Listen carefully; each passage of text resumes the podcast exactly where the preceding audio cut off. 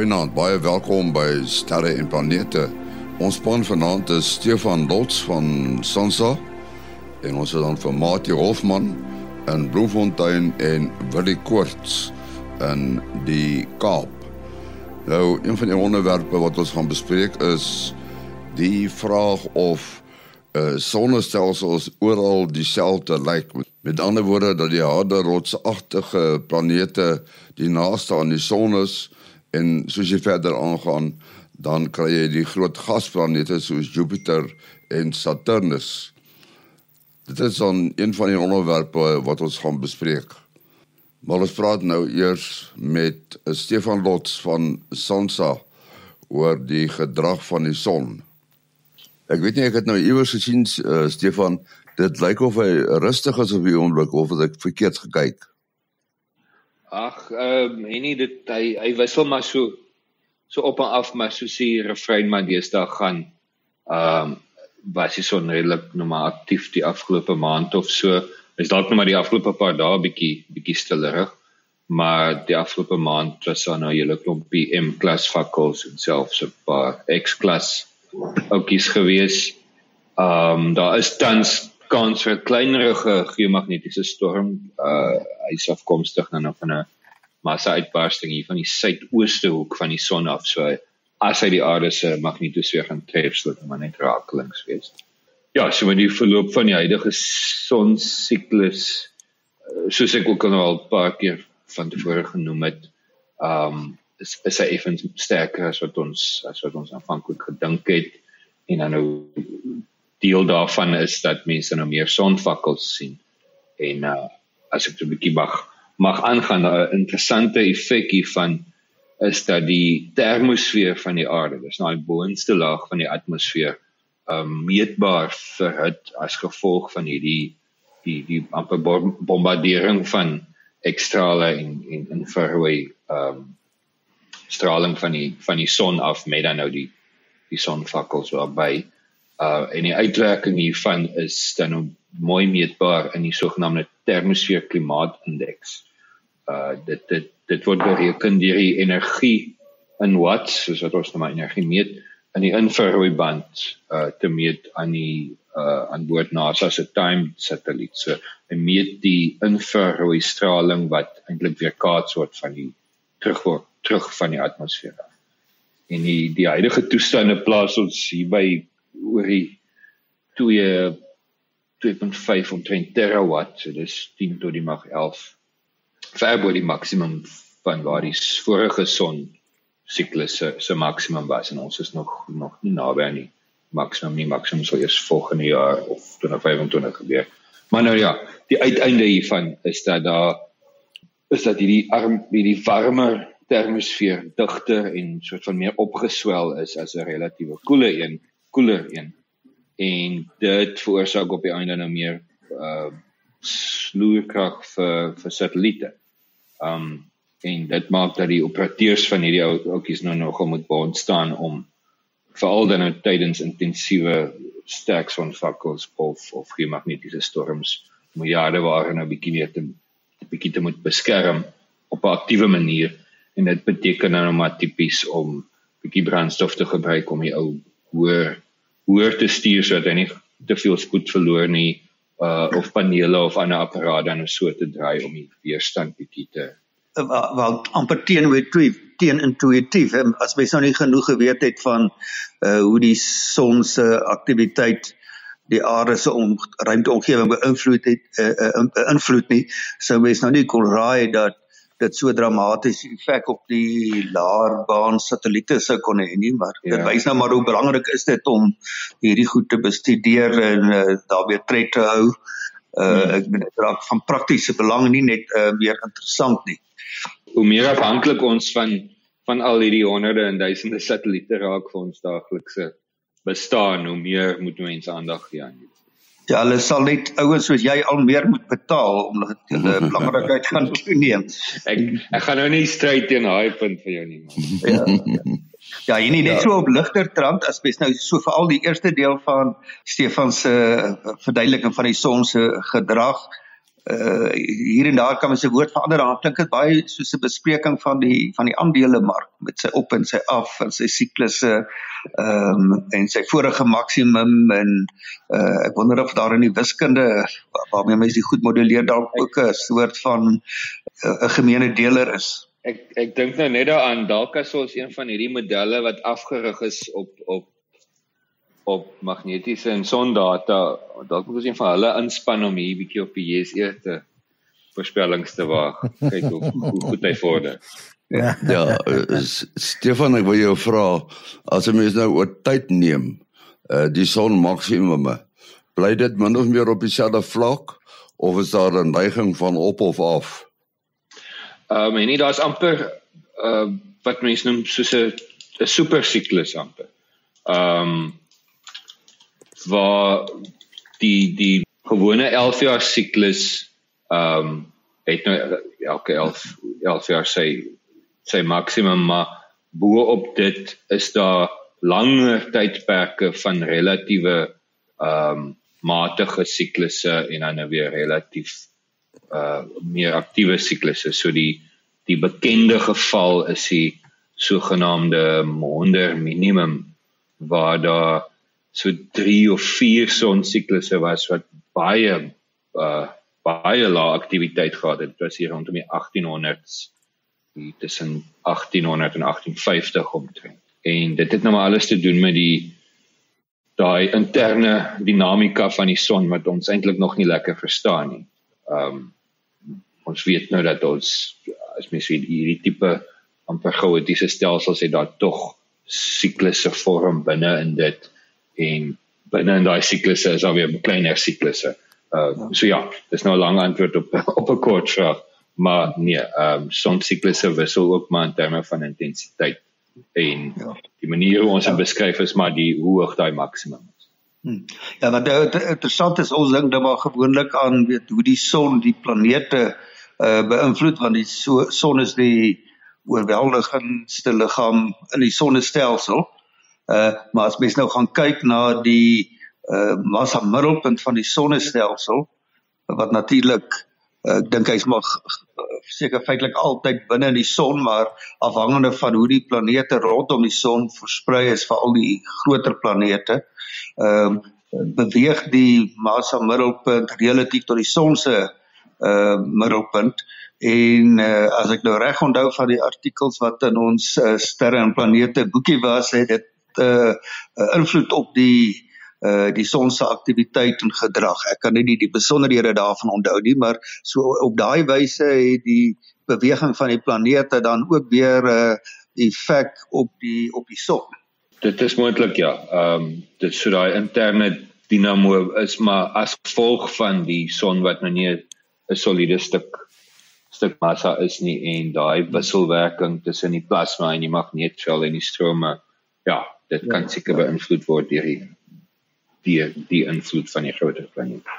Ja, terwyl ons nou praat van goed wat beweeg terwyl ons nou hierdie program opneem, kry ek vir die hoeveelste keer vandag 'n video wat soos 'n veldbrand besig is om te versprei. Dit begin van die video wat verfilm is in die Noordpool sirkel reg tussen die grense van Kanada, Alaska en Rusland en dan beweeg hierdie maan en hy raak 'n totale verduistering en 5 sekondes later dan gaan dit oor die horison. Nou ja, asseblief mense, hierdie ding is is 'n ou video eintlik wat nou skielik 'n Afrikaanse 'n 'n 'n teks gekry het en nou word dit soos 'n veldbrand versprei deur oral. So as jy hom kry, hy is nie waar nie en en moet hom asseblief nie verder sprei nie. En en en sê vir die persoon wie dit vir jou aangestuur het ook, dit is fake. Uh, dis nou ek weet nie eens wat so mooi Afrikaanse woord soos verval. Nonsens. Dis nonsens. Ja. Bok, bok. Ja, dis 'n mooi woord. ja, die, yes. die mooi Afrikaans waarin daai stukkie geskrywe is geen nou 'n uh, skyn geloofwaardigheid as mens nou nie uh, presies uh, weet die nodige feite het om te weet maar dit kan onmoontlik nie die geval wees nie en die ja. maan beweeg nooit soos wat jy op die video sien nie ek uh, uh, maar ek meen as ons werk nou gereeld hiermee so uh, nie ons kan nie verwag dat almal dit dadelik sal kan raak sien. Pre, Presies. Ja, ja, ja, want die man dink die ek ek dink die korrekte wetenskaplike term hiervoor is bogtwak in ons in een woord. ja. ja. Wat ek wil net vir jou 'n vraag vra. Die sterrestelsels, hier om ons, ek doen nou maar Andromeda en die Sombrero en hy dan klop ander. Hulle het nou almal name soos ek nou pas gesê het. En uh ek dink almal weet dat ons stelsel se naam is die Melkweg. En net so interessant dat ek het gehoor dit kom van die Grieks af. 'n Griekse woord is gala en uh, gala beteken melk. En dis waarskynlik waar die woord galaksie vandaan kom of galaxy. Hmm. Maar goed, die Melkweg het 'n kern en dan het hy spiraaltakke. Mense kan dit nou mooi sien op uh, afbeeldings en so voorts. Nou ons sonnestelsel se planete is so half op 'n reguit vlak van die son af behalwe Pluto. Hy is mos nou nie meer 'n kandidaat nie. Nou sal mens wonder of dit waar sou wees dat uh alle sterre en sonne en hulle stelsels ook uitskieters sal kry soos ons ons stelsel het soos met Uranus en Venus wat op dieselfde vlak lê maar anders roteer. Wat sou jy sê?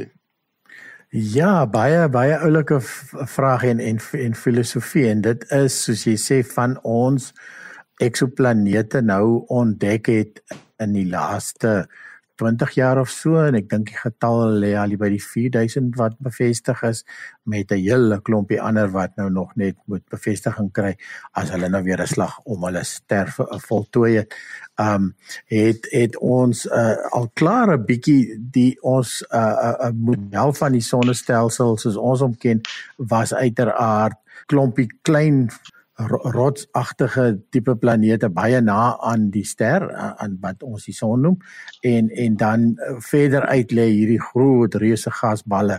Jupiter 300 maal groter as die aarde Saturnus met sy ringstelsel Uranus Neptunus en soos jy sê nou het ons al binne ons eie sonnestelsel het ons al klaar hierdie hierdie snaakskhede soos jy sê Uranus wat op sy sy lê, Venus wat wat eintlik verkeerd omdraai en baie stadig waar die jaar langer is as 'n dag. Ag oh, die dag langer is as 'n jaar en en uh um so wat alreeds op sy kop gedraai is is juis hierdie hierdie groote verskille waar die waar jy uh, ons het nou eksoplanete stelsels ontdek waar die waar massiewe groter as Jupiter planete baie baie na aan hulle aan hulle ster uh, om uh, in wentelbaan is. En uh, dit het eintlik goed is moontlik gemaak om hulle te kan vind deur byvoorbeeld uh, die oorgangsmetode waar die planeet voor die ster oor die gesig van die ster beweeg en en van sy lig afsny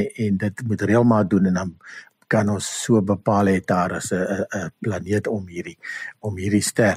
So ehm um, ek dink om jou vraag te antwoord 'n mens sal uh, definitief net net deur te kyk hoe hoe die mekaar uh, uh, is ons uh, verstaan van 'n standaard sterrestelsel, 'n sonnestelsel, ekskuus, alreeds omvergewerk met eksoplanete wat ons ontdek het, sal uh, daar uh, definitief seker so iets rondom ander uh, sonne ook gebeur en en dalk nog erger goed wat ons nog nie eers aan gedink het of of gedink het kan kan bestaan nie sal 'n mens daar uh, kan kan kan waarneem. Sover ek weet kan ons nog nie rotasie van eksoplanete om hulle eie as waarneem nie. Ek dink nie uh uh die goed is net te bitterlik ver. Ons kry net eintlik die sterretjies se lig alleen en en dan moet ons alles analiseer van van wat met die sterretjie gebeur. So uh, ja, interessante vraag. Ek weet nie of of Mati en Stefan wil bylaat. Ja, ek ek dink 'n mens moet as mens so stelsels vergelyk, dan sal mens moet aandag gee aan uh albei aspekte. Wat is soortgelyk en wat is verskillend?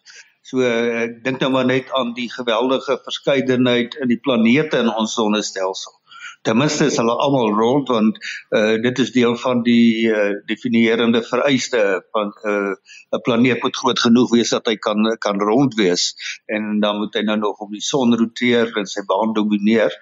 Maar ek meen Mercurius en Saturnus en Jupiter ek bedoel dis 'n geweldige verskeidenheid wat nou reeds begin wel blyk uh uit die waarnemings van die by die grootste teleskope wat nou ook in die infrarooi kan kyk is dat hulle kan waarneem dat een aspek van hoe ons verstaan dat die die sonnestelsel se geskiedenis verloop het is van die roterende skuif.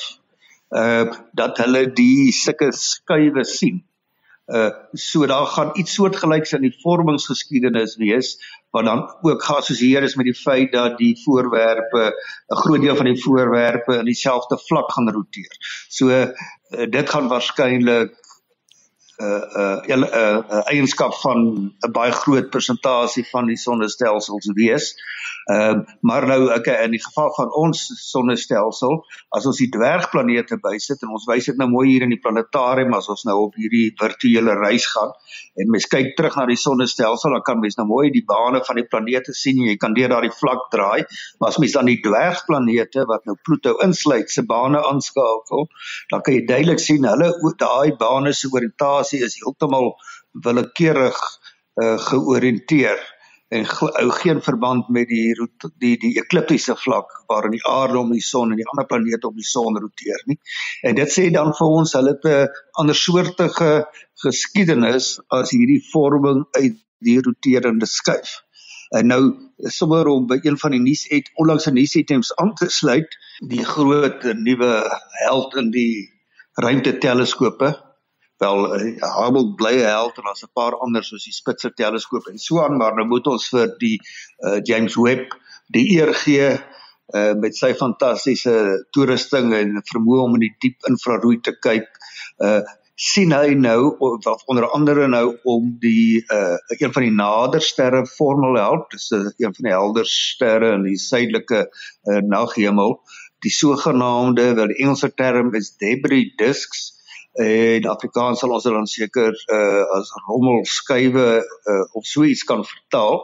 Nou die ehm um, Hubble teleskoop het reeds uh, iets daarvan gesien, maar met die James Webb teleskoop het hulle dan uh binne 'n uh, skuif gesien wat nogal analoog is aan ons asteroïdgordel. So daar het ons nou 'n gemeenskaplikheid. Uh Nou in die geval van hierdie skywe is nou so bietjie groter as die skaal van ons sonnestelsel. As ons nou gaan na tot op die buitewyke voor die Keplerbelt begin, as ons seker so by 5 biljoen kilometer en in hierdie geval is die buiteste rommelskyf by formule so 20 biljoen kilometer ek is uh, kan nou nie mooi presies onthou van die die binneste rommel uh, skuif nie. Is dan 'n uh, uh, bietjie meer vergelykbaar met ons. Maar dit wys nou net hoe die uh, die kom sê die hipotetiese prentjies wat die sterrekundiges ontwikkel het. Hulle dink dit werk so en dat dit en dat bestaan. En dan is dit baie bevredigend indien soos die uh, waarnemingstegnologie verbeter hulle dit dan uiteindelik kan kan sien en hulle juist die toerusting so ontwikkel om dit wat hulle dink bestaan te kan waarneem en hulle het geweet hulle sal moet kyk in die infrarooi want hierdie uh die infrarooi kan basies iets sien wat baie donker is maar as daar temperatuur is uh dan dan gloei dit. Enige voorwerp wat nie by absoluut nul temperatuur is nie so uh, dit sluit alles omtrent wat bestaan in uh het dan 'n bietjie straling. So dat jy kan dan redelik maklik voorwerpe opstel. Uh optel bloot op grond van die temperatuur al sou jy dit glad nie insigbare lig kon sien nie. En dan nou net met verwysing na wat Willie gesê het oor die uh rotasie van planete. Wel die die die James Webb teleskoop sal uh, sal direk die termiese die straling vanaf planete kan sien in infrarooi. Uh want in die infrarooi is dit makliker om die eksoplanete te sien teenoor die gloed van die van die van die uh sterre waarom hulle wentel. En ek dink dit behoort moontlik te wees as jy lank genoeg kyk om die met die Doppler effek die rotasie op te tel want aan die een kant as die planeet roteer dan gaan daar uh die golflengtes wat kom van jy jy gaan ten minste sien daar's twee golflengtes. Al kan jy nou nie die planeet oplos nie en uit die verskil dit weer twee golflengtes van af uh ja, jy sal nou moet weet dit gaan nie op die termiese straling werk nie. Jy gaan moet lynspektra kry. So uh, ons sal nog oor daai 'n bietjie moet dink hê. Wat die uh Betelgeuse Sê net vir ons, is dit 'n Arabiese naam? Ja, Betelgeuse die armholte van die reus. So as jy nou na Orion kyk, sal jy sien hy is nou sy een arm is in die lug met 'n knippel ja. en in sy armholte sit Betelgeuse, die ander uh, uh, die ander helder ster wat reg oorkant hom sit aan die ander kant van die van die drie drie konings. En hy is nou vol van die Waldes. Ja, dis reg, dis reg. Dit is nou Rigel aan die ander kant die voet van die reus.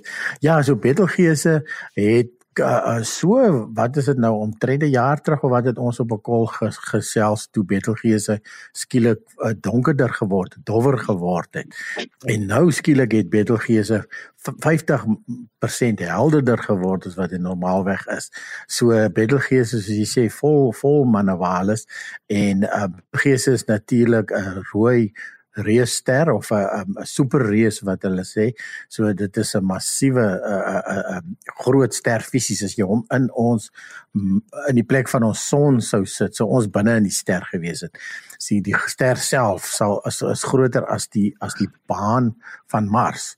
Hy lê erns tussen die baan van Mars en en baan van Jupiter. So dit is een massiewe ster soos eintlik baie na al aan die einde van sy lewe so sterre begin deur uh, waterstof om te sit na helium. En daarvan af uh, gaan na heliumverbranding wat uh, uiteindelik koolstof vorm en Betelgeuse is nou al dat dit koolstof in sy kern verbrand. So die die die petrol raak al hoe minder daarso en um, wat uh, die die verdonkering nou die dag was eintlik nie die die ster self wat verdonker het nie maar dit was dit was noem dit stofwolk wat wat in sy omgewing is in sy in sy in sy atmosfeer is wat tussen ons en die in die aarde tussen die aarde en en die en die ster in beweeg het.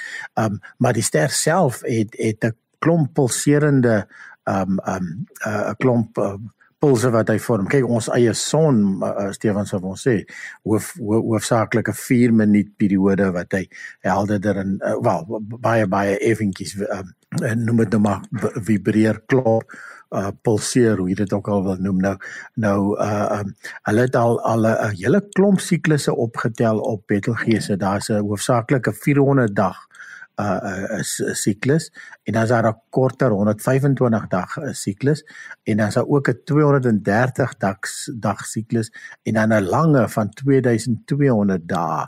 So hierdie goeters amper soos musieknote wat jy saam speel en en en vir 'n akkoord vorm uh, hulle uh, uh, hulle in uh, uh, amper sê ek interfereer met mekaar hulle hulle uh, in die jy sien dit baie molisieus golwe ook as 'n brander terugtrek dan skielik spring daar 'n brander in die lug soos wat hierdie um uh, uh goed by mekaar optel en aftrek en en uh ja so so uh, die die kanse dat um uh, Betelgeuse in, 'n supernova ontploffing uh, tot sy einde kan kom uh in in in die toekoms nou ja hier praat ons nou van sterrekundige uh nabye toekoms dit kan 'n hele paar duisend jaar nog wees of dit kan volgende week wees is uh, lyk like of dit al hoe meer um uh die moontlikheid al hoe groter raak dat dat uh, Betelgeuse begin baie onstabiel raak en en en kan in 'n supernova ontplof uiteindelik. Hoe sal sy uh, die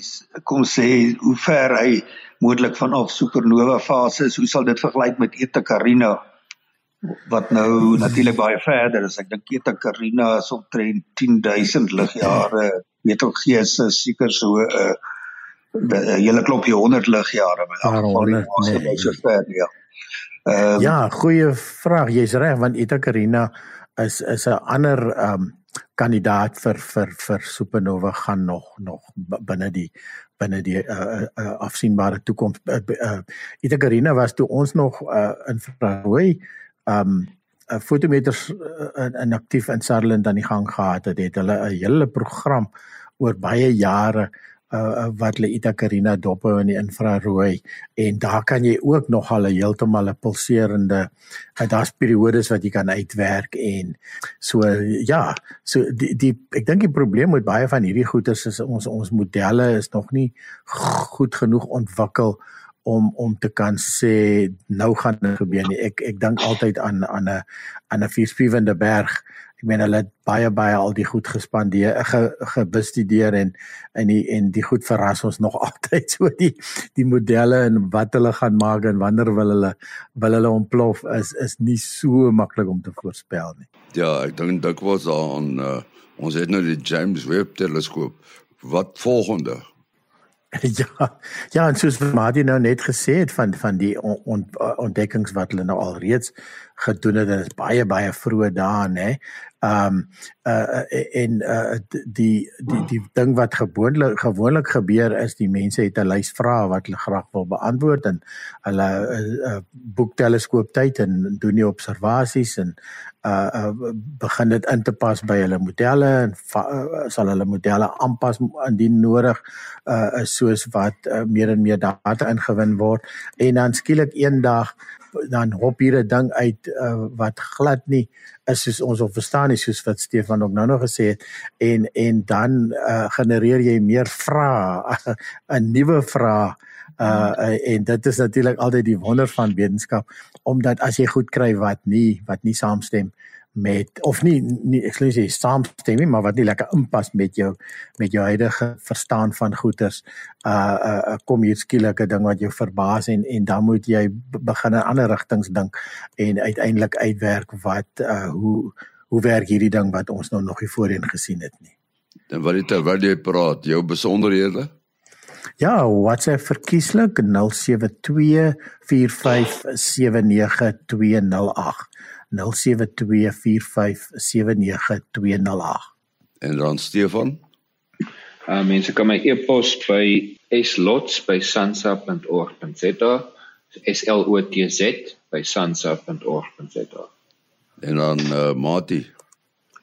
Selfoonnommer uh vir WhatsApp 0836257154 0836257154 uh SMS is natuurlik ook welkom. En onthou die program se e-posadres sterreplanete@gmail.com. sterreplanete@gmail.com. Ons is volgende week weer op ons pos. Tot dan, alles van die beste.